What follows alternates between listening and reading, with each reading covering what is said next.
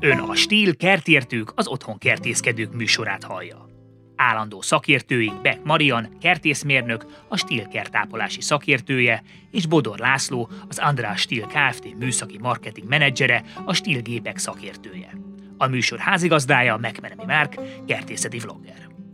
Üdvözlök mindenkit, ez itt a Stil Kertértők jubileumi tizedik adása, úgyhogy nagy örömmel köszöntünk mindenkit, remélhetőleg már sokan vagytok, akik már mind a tíz adást meghallgatták, ha nem, akkor sincs semmi gond, mert hogy az adásokat bármikor meg lehet újra hallgatni, vissza tudtok menni, és, és mondjuk kertészkedés közben. Én például nagyon szeretek podcastokat hallgatni, miközben kertészkedek, mert a két dolog együtt kiválóan művelhető, és szerintem a kertértők az, az nagyon jó erre, hogy kertészkedés közben hallgathassátok miközben mondjuk ültettek valamit, mert hogy ebben az adásban az ültetésről lesz szó, aminek abszolút most van itt a fő szezonja, ősszel a legjobb szerintem ültetni, de többek között erről is fogunk majd beszélgetni, hogy, hogy miért jó ősszel ültetni, és mi a különbség az őszi ültetés és a tavaszi ültetés között egyáltalán hogyan kell ültetni, milyen ültetőgödröt kell, hogyan kell előkészíteni azt az ültetőgödröt. Tehát egy csomó nagyon-nagyon izgalmas téma van ehhez, illetve hogy milyen gépparkot érdemes felhasználunk ahhoz, hogy szakszerűen jól és könnyedén tudjunk ültetni. De akkor kezdjük is rögtön azzal, hogy akkor hogyan készítsük elő a talajunkat, hogyha mondjuk gyümölcsfát szeretnénk ültetni, aminek szerintem abszolút most van, most van itt az ideje ősszel. Talajfúrógépet tudom ajánlani a ültetőgödör készítéshez. Sokan gödörfúrónak mondják, de hát ami szerintem gödrön már nem nagyon van mit megfúrni, tehát igazából a, a talajt fúrjuk meg, és így készítünk gödröt. Ehhez különböző méretű berendezéseink vannak, vannak egyemberesek, vannak kétemberesek is. Átmérő szempontjából ez egészen a, a fúrószárak olyan 5 cm-től 200 mm-ig, tehát 20 centig terjednek, ez az egy ember által kezelhető gép. Illetve van ilyen két emberes gép is, ami már egy komolyabb technológia, illetve hát nagyobb erőt is igényel, éppen ezért két embert tudja működtetni, ezzel akár 35 centi átmérőjű gödröt is tudunk készíteni. Természetesen borzasztóan függ a gödör átmérője attól is, hogy milyen talajtípusba csináljuk. Tehát egy homokos talajba jóval egyszerűbb ezt a gödröt elkészíteni, mint valami sziklás, agyagos talajba. Itt azért egy nagy nehézségeket is okozhat, ha megakad a csiga és fölhoz valami felületet. És tényleg Más... nem szabad félváról venni, csak akarom mondani, hogy saját tapasztalatban mondom, hogy nem szabad félváról venni ezt, hogy akkor egy vagy két emberes a gép, mert egy ilyen nagyobb, erősebb gépet használ az ember egyedül, az olyan szinten ö, ö,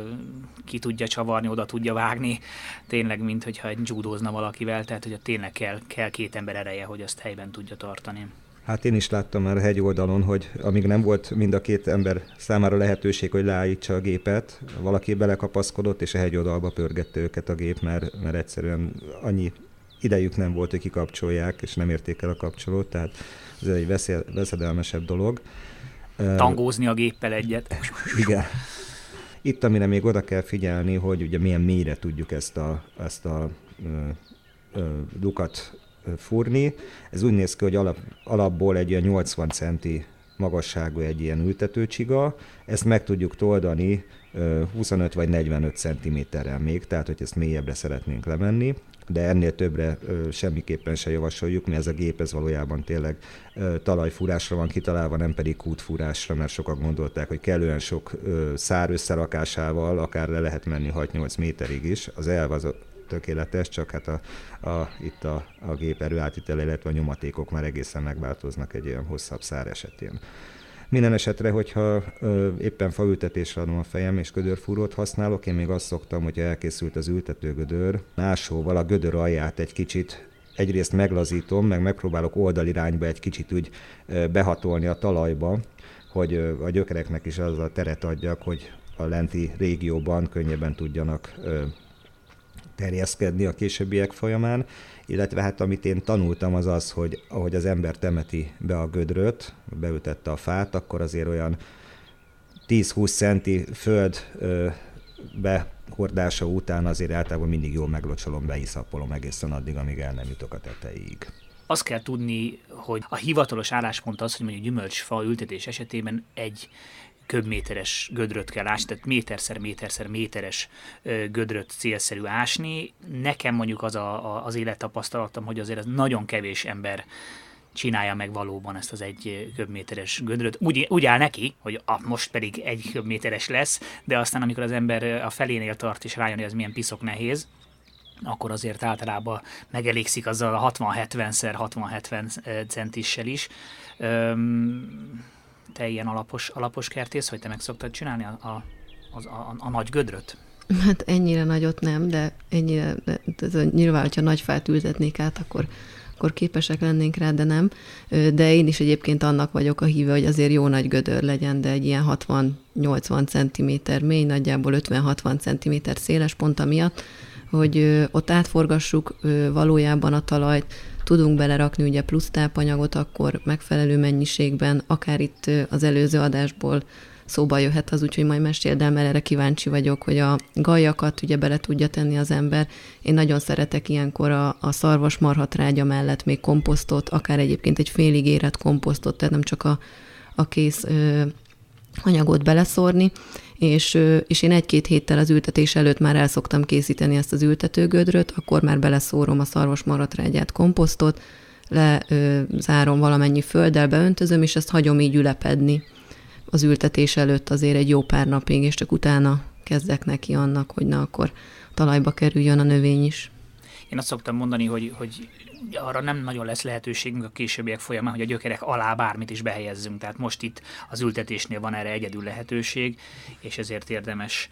a tápanyagot bevinni. És amiről igen, az előző adásban is beszéltem, hogy én abból kiindulva, hogy a, a veteményes kertben ilyen hügelkultúrás dombágyásokat is építettem, aminek az a, az alapja, hogy különböző kerti hulladékot, egészen vastag farönköket, kisebb ágakat, leveleket, ilyesmiket ö, ö, alapozzuk ezt az ágyat, ágyást, ugyanezt alkalmazom a gyümölcsfák ültetésénél is, annyi, hogy egy kicsit mélyebb gödröt kell ez általásni, és az aljába ezeket a mindenféle kerti hulladékokat beszórom, szintén a, a félkész komposzt is nagyon jó, akár a, a, a félig lebomlott lomb is, mert hogy ezek szépen lassan fognak egyrészt bomlani, táplálják a fát, másrészt puffertartályként is szolgálnak, tehát ha, ha egy ilyen korhat fát bedobunk a vízbe, és utána kivesszük, akkor tényleg ki lehet préselni belőle a vizet, ezek olyanok, mint a szivacsok, tehát nagyon jól tudják tárolni a kis fa számára a vizet, ráadásul egy kicsit miközben bomlanak le a, a talaj szerkezetét is, egy kicsit javítják, nem lesz annyira, annyira tömör egyébként. Ez a célja ennek a nagy gödörásásnak, hogy, hogy a talaj valamelyes laza maradjon, mert egy fiatal fának még azért nincs olyan nagy ereje, és ha azzal kell szegénynek szenvednie, hogy a nagyon összetömörödött talajba növeszti a gyökereit, az nagyon sok energiát el fog venni tőle, tehát ezért célszerű minél, ezért mondják, hogy minél nagyobb a gödör, annál jobb esélyt adunk arra a, a gyümölcsfának, hogy el tudjon startolni, mert abban a puha földben még ott könnyen tud gyökerezni, aztán később már megcombosodik a fa, és akkor már nem okoz neki gondot. De én is, én is szeretem, szeretem jól be, betápozni, de ez egy tök jó ötlet, én például nem szoktam ennyire előre dolgozni, de akkor ez igen, ez egy jó, jó megoldás lehet, mert hogy szépen be ö, ö, dolgozódik a földbe, be, felszívódik a földbe, a környékre is ez a sok tápanyag. De hadd kérdezzek egy, elnézést, hagyd kérdezzek egyet visszamenőleg a, akár az előző podcastunkkal kapcsolatban is, van-e létjogosultsága a gyökérmetszésnek? Tehát hallottam, hogy van olyan, hogy gyökérmetszést is alkalmaznak, ezt mikor szokták csinálni, illetve mi ennek az értelme, hiszen általában arra figyelünk, hogy elültetünk egy növényt, hogy minél kevésbé sérüljön a gyökere, pont a hajszálgyökerek maradjanak meg, amik a legtöbb tápanyagot tudják fölvenni. Így valójában a gyökérmetszés az, az hol kap valamilyen értelmet? Marian? Hát részemről van, mert hogy most mondod, hogy a hajszálgyökerek veszik fel ugye a legtöbb víz, vizet, tápanyagot, de sajnos ezek azért általában kisebb-nagyobb részben elszakadnak a kitermelés során, és, és ilyenkor, amikor ültetünk, ültetés előtt nem csak a, a növénynek a, a koronáját, hanem a gyökérzetét is valamennyire vissza kell metszeni, mert ezek a, a sérült gyökérészek sokkal nehezebben ö, regenerálódnak, sokkal nagyobb rajtuk ugye a sebzési felület, mint hogyha utána egy, egy jó éles metszólóval egyenes felületeket metszünk belőlük, akkor sokkal gyorsabban végbe megy a, a gyógyulás, és, és sokkal gyorsabban fognak új ilyen járulékos pici gyökerek is képződni. Én, én, úgy szok, én úgy szoktam az ültetésnél csinálni, hogy eleve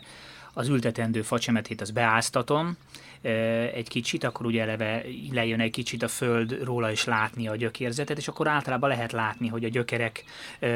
pontosan a kitermelésnél, hogy kivették az ültető gödörből, azért hol sérültek meg, és ahol látok sérüléseket, ott egy picit visszavágom egy éles metszőolóval, és pontosan, ahogy Marian is mondta, ezek utána akkor gyorsabban regenerálódnak, mint hogyha egy, egy, egy, egy eléggé sérült gyökéről van szó, úgyhogy ilyen szinten érdemes. Illetve ugye fölmerül az a kérdés is, hogy, hogy kell-e a fa tetejét, a koronáját, amikor, a, ami után ültettük, ebben is megosztanak a vélemények, hogy, hogy rögtön ültetés után metszünk-e, vagy hagyjunk neki egy évet, és akkor metszük le. Nem ti melyik iskolát képviselitek ebből a szempontból? Hát én még annyit, hogy, hogy ezt a beáztatást, ezt én is nagyon szeretem, és én egy napra egyébként simán hagyom ő, egy, egy vödör vízben ilyenkor a fát, hogy megfelelő vizet azt visszavegye, mert ugye azért az ültetésnél egy elég nagy sok kéri, bár ott is folyamatosan öntözzük az első napokban, hetekben, de, de érdemes vízbe állítani egy fél napra napra. És én a legtöbb fa esetében igen, meg szoktam metszeni a, a veszőket a, a, az ültetés előtt már, és igazából ennek annyi a, a lényege, hogy így, így kerülnek igazából egyensúlyban nagyjából a föld feletti részek és a, és a föld alatti a gyökérzet. Ezzel fogjuk talán egy kicsit meggyorsítani az eredést, és, és ez, az, ez a koronametszés, ez arra jó, hogy, hogy nem lesz egy akkora zöld felület, ugye ilyenkor még azért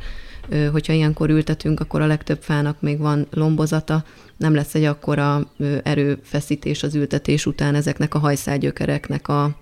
a fejlesztése, mert hogy most itt az lenne a cél, hogy amikor elültettük, akkor ezeknek a gyökereknek a, a létrehozására koncentráljon a növény.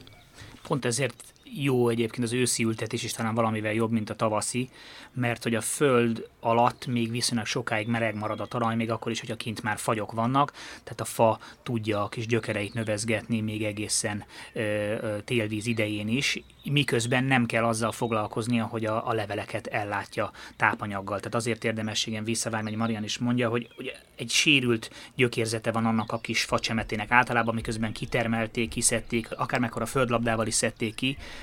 a, gyökérzetének valószínűleg közel a fele nincsen meg, és ugye a, a növénynek arra a gyökér mennyiségre volna szüksége, hogy a meglévő lombot ellássa nedvességgel, vagy, vagy tápanyaggal, vagy vízzel, és, és ugye ezt elvesztette, tehát mi ilyenkor az segítünk a növénynek azzal, hogy visszavágjuk, mert nem kell annyi lombot ellátnia. Tehát ugye ez nem, ez nem kibabrálás a növénye, mert van, aki úgy érzi, jaj, szegény, hát épp csak elültettem, és akkor már is visszavágom, ez biztos nagyon rosszul esik a növénynek. Nem, pont fordítva van, mi ezzel segítjük és könnyítjük a, a növény helyzetét, hogy csak a gyökér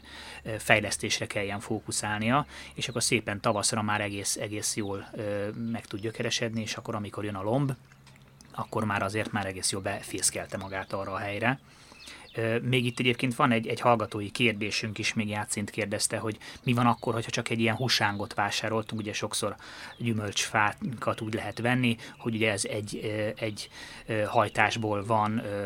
oltással létrehozva, tehát tulajdonképpen csak egy darab veszőnk van, amit elültetünk, hogy ezt milyen módon kell visszavágni, vagy mennyire egyáltalán vissza kell levágni. Nagyon nehéz ez, mert tényleg néha csak egy darab veszőről van szó, vagy van rajta két pici kis ágacska, és az ember úgy van vele, hogy jaj, hát hát örülök, hogy, hogy legalább ekkora, hogy mondjuk egy méteres nem akarom visszavágni, de azért fontos, mert ezek a, ezek a hajtások általában valamilyen másik fának a, a, az ágából lettek ráoltva egy alanyra, tehát még nem, nem faformájúak. Tehát ilyenkor van lehetőségünk arra, hogy a fának a formáját elkezdjük kialakítani,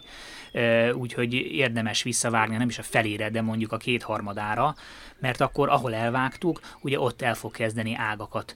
hajtásokat hozni, és el tudjuk kezdeni kialakítani azt a koronaformát, amit, amit szeretnénk. Míg ha nem vágjuk vissza, akkor lehet, hogy ez a vesző az még fölfelé fog sokat nőni, nem egyenletesen fognak jönni rajta az ágak, tehát érdemes erőt venni magunkon, és tényleg bár fájdalmas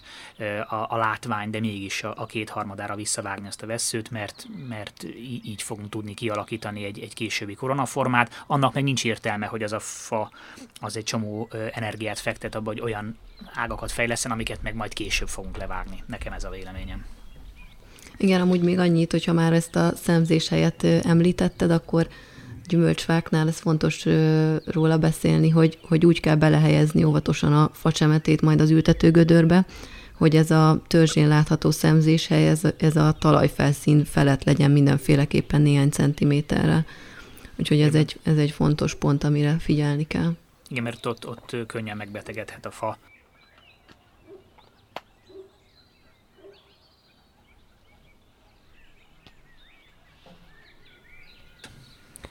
Hát, hogyha nem fáról beszélünk, tehát nem fa esetén, hanem valami egyéb, akár lágyszárú növényt szeretnénk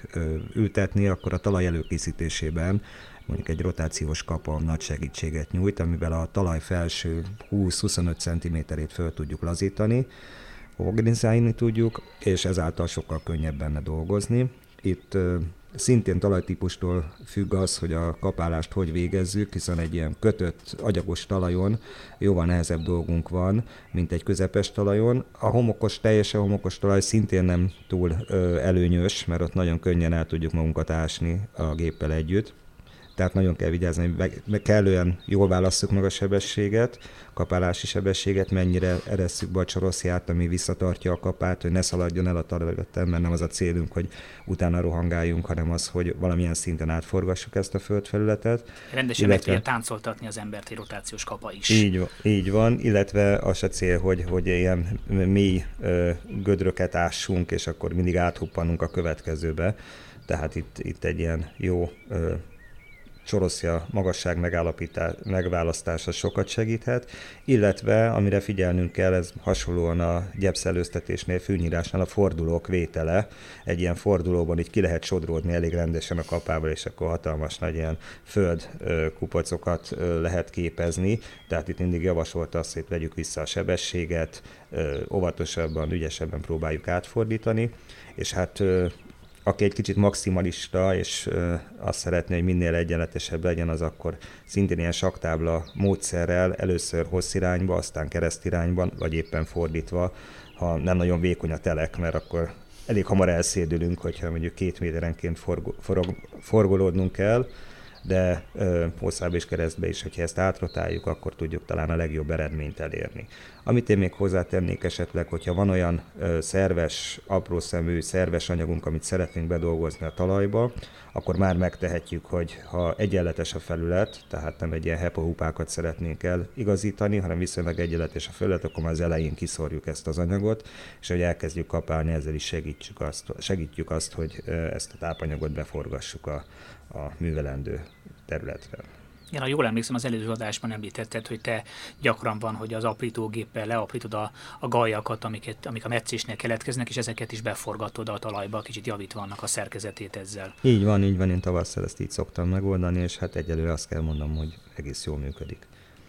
Hát igen, hiszen szerves anyagot viszünk be, és, és rostosabb lesz a, a, a talaj, mert szerintem nagyon nagy probléma nálunk főleg a talaj tömörödés, és hogy, hogy annyira ugye agyagosak gyakran a talajaink, és nagyon-nagyon össze tudnak tömörödni, hogyha nincsen bennük szerves anyag, és ez a bekevert szerves anyag ez azt teszi lehetővé, hogy egy kicsit levegősebb legyen, illetve a talajban élő mindenféle mikroorganizmusoknak van mit enniük, és ez nagyon fontos, jól tudjuk, hogy nagyon fontos a, a növényélet számára, hogy ott legyen egy egészséges uh, talajélet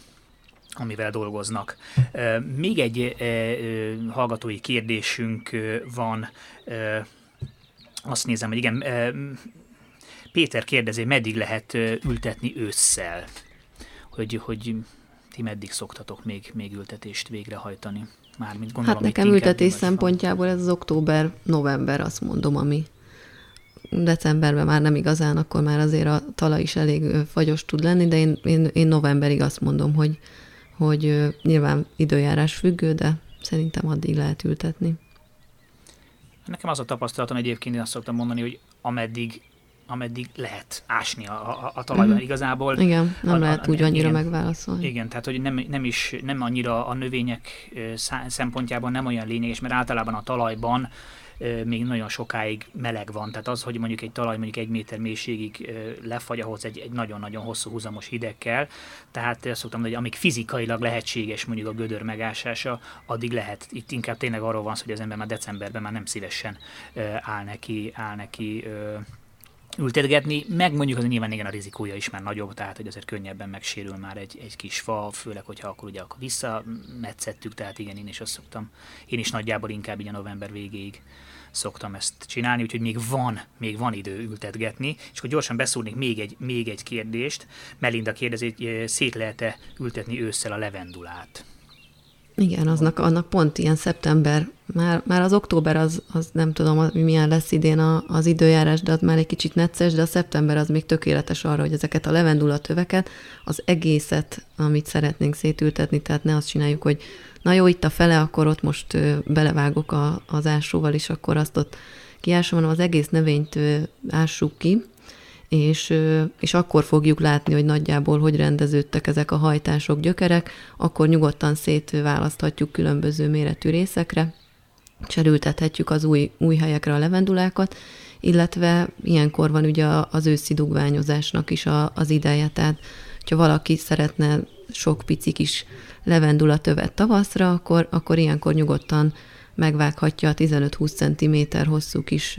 szárakat, és azokat homokos, tápanyagdús talajba ilyen két-három centiméter mélyen el lehet ilyenkor már ültetni.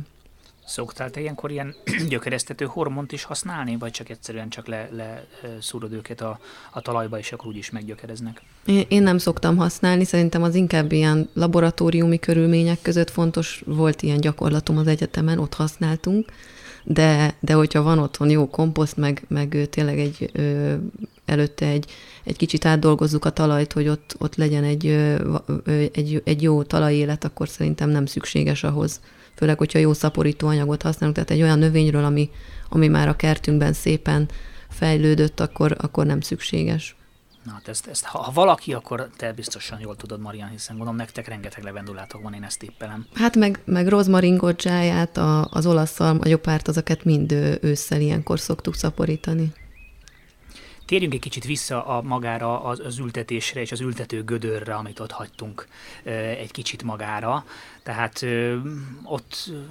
abban egyeztünk meg, hogy nagyjából igen, ez a, ez a 60-70 cm-es ültető gödör az, ami, ami a, a, a reális, és inkább én inkább azt szoktam csinálni, hogy az alját egy kicsit megdolgozom, például erre nagyon jó a, a, a talajfúró, hogy akkor az alját egy kicsit föllazítjuk, ízlés szerint bele lehet tenni némi levágott gajat is, vagy aprított, aprított gajat is, tehát ez nagyon jót tesz a szintén a talaj szerkezet javítására. Marian, te említetted a, a, a szarvasmarha trágyát is bedolgozott akár pár nappal, komposztot is, és akkor, hogyha ezzel megvagyunk, akkor van-e valami speciális rétegrend, amire érdemes figyelni? Hát én igazából ilyenkor már csak arra figyelek, hogy ami visszakerül föld, az egy ilyen jó porhanyos, laza, könnyen könnyű vízáteresztő képességű talaj legyen, úgyhogy nekem ebben már olyankor nincsen olyan igazából bármilyen sorrend. Még annyi talán, hogy ilyenkor szoktam támasztékot szúrni a facsemete mellé, hogyha, hogyha egy kisebb fáról van szó, vagy egy olyan, olyan helyre ültetem, ami, ami egy szélnek jobban kitett terület, és, és ősszel a, a fatövét azt, azt egy ilyen 15-20 cm magasan felszoktam kupacolni, főleg, hogyha már októberi-novemberi ültetésről beszélünk, és ez pedig pont amiatt, hogy ne szenvedjen fa, fagykárt a, a, a kis facsemete a tél folyamán. És ebben az esetben nem baj, hogyha az oltás pontot is be, be, betakarod? Hát ezt nem, hát hogyha szeptemberben ültetem, akkor nem ilyen október-novemberben már annyira hideg van, hogy olyankor már ezek a betegségek szerintem elkerülik ott, úgyhogy akkor már nem probléma. szoktam. És hogy álltok a, a tömörítéssel, mert ebben is megoszlanak a vélemények, hogy, hogy tömítőfával érdemes-e, vagy taposni? Én taposok. Te taposol, néptáncolsz rajta. Így van. Igen, mert, mert hogy olyat engem leszúrt egy, egy néző, mikor én a videóban ugyanezt csináltam, hogy hát ez nagyon veszélyes, mert akkor elszakadhatnak a gyökerek, és akkor ő egyszerűen csak iszapolni szokta nagyon-nagyon beöntöző, és nem, nem, nem bántja. Azért kérdeztem, hogy ne, ti, nektek mi az eljárásotok ezzel kapcsolatban. Hát Azt én... mondta, hogy te inkább iszapolni szoktál. Én iszapolni szoktam, de mondjuk az a meggyőződésem, vagy hát legalábbis az a tapasztalatom, inkább úgy mondom, hogy az iszapolás azért az nem tömörít annyira. Tehát mikor hmm. kialakítunk egy nedves iszapos felületet, azt hiszük, hogy akkor ez, ez olyan keményen összeállt, hogyha most ebből kipárolog a nedvesség és elszivárog, akkor egy borzasztó tömör felületünk lesz Holott nekem az a tapasztalatom, hogy ha ez kiszárad, az sokkal könnyebben meg tud süllyedni, mint egy jól betaposott, jól betömörített, bedöngölt, tehát szárazon bedöngölt felület. Én általában félreteszek egy kis földet valami helyre, és amikor így visszanézek egy ilyen ültetés után egy pár héttel, és látnom, hogy ott akkor ugyan kialakult egy tányér, ami nagyon hasznos, hiszen a vizet ott tartja, hogyha locsolom a növényt, akkor leginkább a tövénél marad a víz, de amikor ezt úgy érzem, hogy ez már egy túlzott méretű gödörnek számít, akkor ezzel a földdel én ezt tudom pótolni, hogy kialakítsam a megfelelő magasságot. Igen, ha esetleg összezavartunk volna hallgatókat, hogy arról beszéltünk, hogy legyen ö, lazába a talaj, tudjanak nőni a gyökerek, majd utána a tömörítésről beszéltünk. Nyilván itt egy, egy, egy középútról van szó, tehát az, hogy, hogy a, a talaj viszonylag laza, az nem azt jelenti, hogy egy ilyen teljesen borhanyos széteső valami, hogyha levegős marad a talaj, az nem jó a, nem jó a, a növényeknek, nem érzik jól a növények gyökereik magukat, hogyha ilyen légbuborékokba kell nőniük, tehát az a cél, hogy az a talaj az, az, az azért egységes legyen, tömör legyen, ne betonkeménységű, amiben nyilván nem tudnak nőni a gyökerek, de egy egységes, tömör valami kell, hogy legyen, és ezért szok, szoktak ültetésnél igen, vagy taposni, vagy egy rétegenként egy, egy tömőfával egy kicsit letömöríteni, vagy, vagy pedig iszapolni, de hogy Laci is mondja, nekem is ez a tapasztalatom, hogy az iszapolással azért nem lehet elérni ezt az eredményt, és maradhatnak légbuborékok, amik, amik nem, jók a, nem jók a fának. Én, én, még, én még azt fűzném hozzá, hogy én például nagyon szoktam ügyelni arra, hogy, hogy, hogy támasztékot tegyek. Abszolút még az elején szoktam beletenni, mert utána egyrészt nehezebb is, másrészt szintén sérülhetnek a gyökerek, hogyha akkor próbáljuk leszúrni a támasztékot, amikor már befejeztük az ültetőgödrünket és hogy azért is van rá nagy szükség, mert a kis facsemete, amikor nő, és mondjuk fújja a szél, lehet, hogy nem töri el, vagy dönti ki, de azáltal, hogy folyamatosan mozog, azáltal elszakadhatnak a kis friss hajszágyökerei, tehát ezért érdemes jó stabilan, akár két támasztékkal is kitámasztani a fát, hogy ne tudjon mozogni, a szél ne tudja elmozgatni, mert akkor hamarabb be tud gyökeresedni. Ja, sőt, talán egyébként egy, egy, egy ilyen helyen a, a három támaszték